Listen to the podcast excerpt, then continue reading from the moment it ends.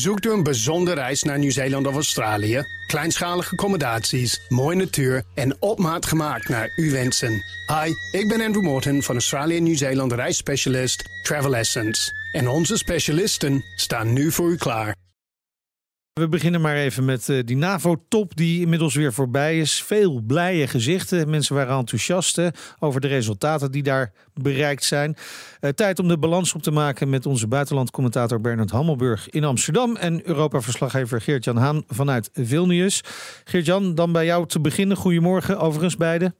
Goedemorgen. Goedemorgen. Ja, ze zijn er allebei heel goed. Uh, Geert-Jan, ehm, het gaat daar natuurlijk met name ook over die draai van Erdogan, hè, de Turkse uh, regeringsleider, rondom het uh, NAVO-lidmaatschap van Zweden. Eerst uh, stelde hij nog allerlei eisen, nu mag Zweden toch lid worden. Dat zou heel snel geratificeerd kunnen worden door het Turkse parlement. Maar, maar mogelijk duurt dat toch weer wat langer. Wat is er aan de hand? Nou, aan het einde van de tweedaagse NAVO-top gaf Erdogan een persconferentie. Een hele lange persconferentie. En dan staat hij daar als een wassen beeld achter zo'n uh, zo'n tafel um, de pers uh, te woord. En wat hij aangaf was dat uh, het Turkse parlement voorlopig niet. De, deze NAVO-toetreding van Zweden gaat ratificeren. Niet omdat het het niet zou willen, maar simpelweg omdat het met reces is en niet voor oktober terugkomt. Nou, dan kun je denken: oké, dat wisten we, hè, dat reces van dat parlement, plausibel. Maar um, Stoltenberg gaf eerder al aan, uh, ja, uh, in principe gaat dit te snel komen. En ik sprak ook nog met de Tsjechische president Petr Pavel. En die zei, ja, Erdogan heeft tegen ons gezegd... binnen enkele weken is de kogel door de kerk. Is dit hele eigenlijk bureaucratische geëmmer, uh, is het klaar? En ja, daarom waren er toch wel wenkbrauwen die gingen fronsen. Ja, maar verwacht je dan dat hij toch nog mogelijk weer aanvullende eisen gaat stellen? Met Erdogan weet je het nooit. Uh, mijn persoonlijke opvatting is op basis van wat hij heeft gekregen. Uh, dat, dat, daar, daar zou ik ook best tevreden mee kunnen zijn. Ja. Ja, precies. Goed, dan gaan we even naar uh, Zelensky. Die heeft toch wel een beetje op zijn donder gehad hè, van de Britse minister van Defensie. Omdat hij ja, uh, veel zou eisen. Uh, misschien niet zo dankbaar uh, zou zijn voor wat hij allemaal krijgt aan wapenleveranciers. leveranties. Ber Bernard verklaart ja, toch dat, dat, standje van de Britse minister. toch waarom die uiteindelijk bijdraaide op de laatste dag van de top. Zeker, en, en het is ook aangevuld door Amerikanen die hem duidelijk ook uh, een veeg uit de pan hebben gegeven. Uh, omdat ze zeiden, ja, je, bent, je wordt een soort van een mopperend kind. Daar moet je mee ophouden. Want je hebt ongeveer alles wat je wil. En uh, ja, zoiets als een NAVO-lidmaatschap, dat kun je niet afdwingen. Zelfs als we allemaal vonden dat je dat meteen moest krijgen, dan duurt het nog een hele tijd. En zou in elk geval niet uh, bespreekbaar zijn voordat die oorlog voorbij is. Dus daar moet je mee ophouden. Nou, toen ze CNN vatte het mooi samen.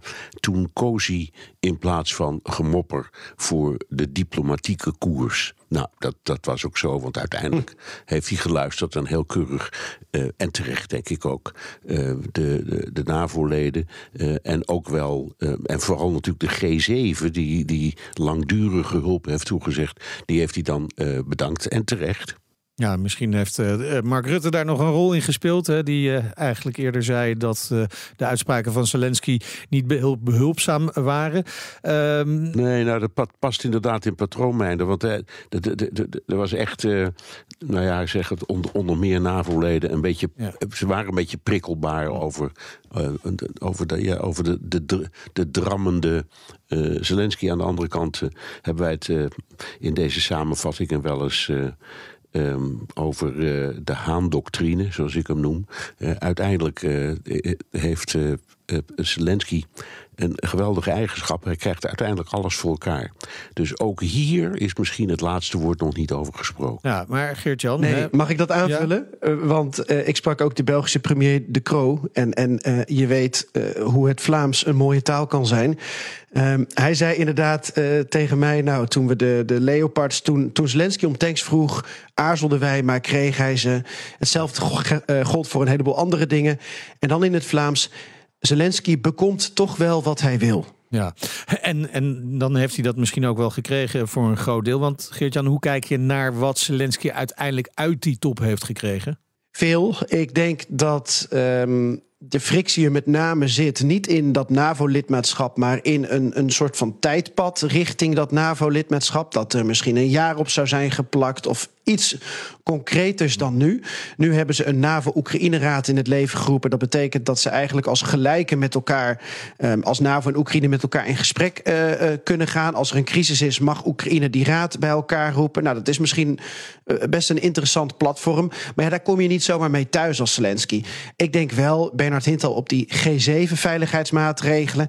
Ik denk dat dat um, eigenlijk de belangrijkste winst is. Naast een heleboel wapens natuurlijk. Um, als ik dat heel kort mag proberen uit te leggen, Meijnerd, want we zijn op een NAVO-top en ineens wordt de G7 erbij ja. gesleept. Nou, de G7, club van machtige westerse landen, grootste industrieën, economieën van, uh, van het Westen. Um, ook al nauwe samenwerking met de EU als uh, supranationale organisatie. En wat er is gebeurd is dat uh, de landen van de G7 hebben allemaal bilaterale afspraken gemaakt met Oekraïne.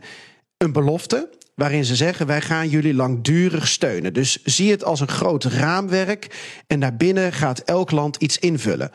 Um, die G7 is in dit geval geen gesloten club. Want uh, Nederland en Denemarken hebben gezegd: wij willen hier ook wel aan meedoen. Wij zijn bijvoorbeeld ook de kartrekkers van de F-16-coalitie. Dus laat ons ook zo'n vakje van die veiligheid van Oekraïne op de lange termijn invullen met de Patriots of met de F-16's. Um, in ieder geval met de organisatie daarvan en het bouwen van coalities daarin. De Kroo gaf tegen mij aan het ook heel interessant te vinden. Kortom, ja, binnen, uh, binnen de NAVO-top is er met G7-landen wat afgesproken. Die natuurlijk ook lid zijn van de NAVO. Ja. Maar wat niet past binnen het Russische frame van de NAVO zoekt oorlog met Rusland. Precies. Maar Bernard, was het dan inderdaad uh, ja, een, een NAVO-top die vooral ook het podium was waar andere samenwerkingen tot leven kwamen? Nou, dat kun je best zeggen. En ik vond dit ook wel een slimme oplossing, eerlijk gezegd.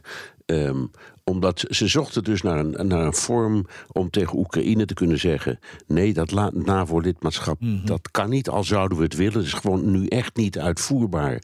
Maar we zien wel de enorme risico's. Er heerst, en dat merk je toch uh, als je wat dieper gaat praten en leest. Um, ook bij de NAVO-leden en de, en de G7 enige vrees dat uh, de Russen nog niet zijn verslagen, zal ik maar zeggen. En, nee. en, en de grote vraag is dus: is Oekraïne, zelfs met al die steun, in staat deze oorlog te winnen? En het antwoord is niet duidelijk, daar zijn ze het niet over eens.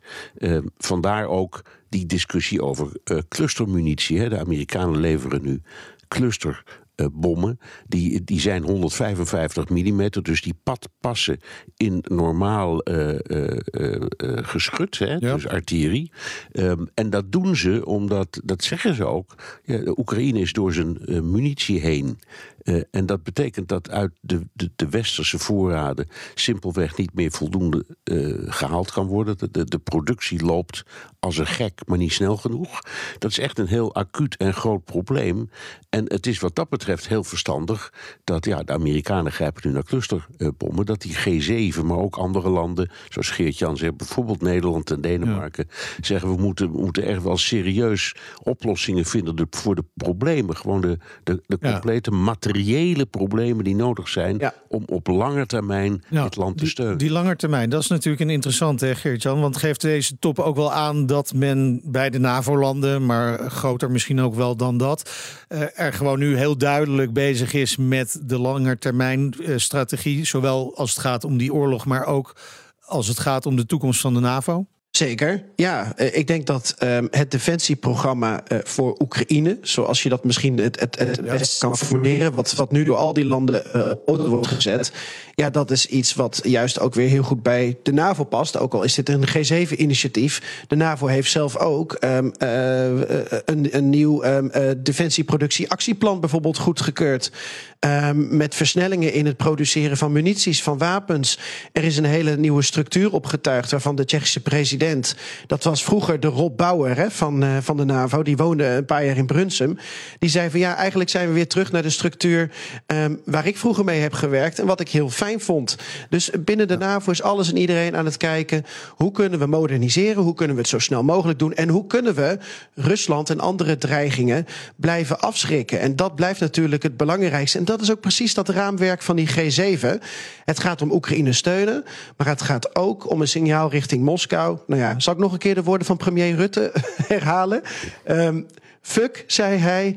Ze blijven nog steeds bij elkaar. Dankjewel. Buitenlandcommentator uh, Bernard Hammelburg en Europa-verslaggever Geert-Jan Haan. Zoekt u een bijzondere reis naar Nieuw-Zeeland of Australië? Kleinschalige accommodaties, mooie natuur en op maat gemaakt naar uw wensen. Hi, ik ben Andrew Morton van Australië Nieuw-Zeeland reisspecialist Travel Essence. En onze specialisten staan nu voor u klaar.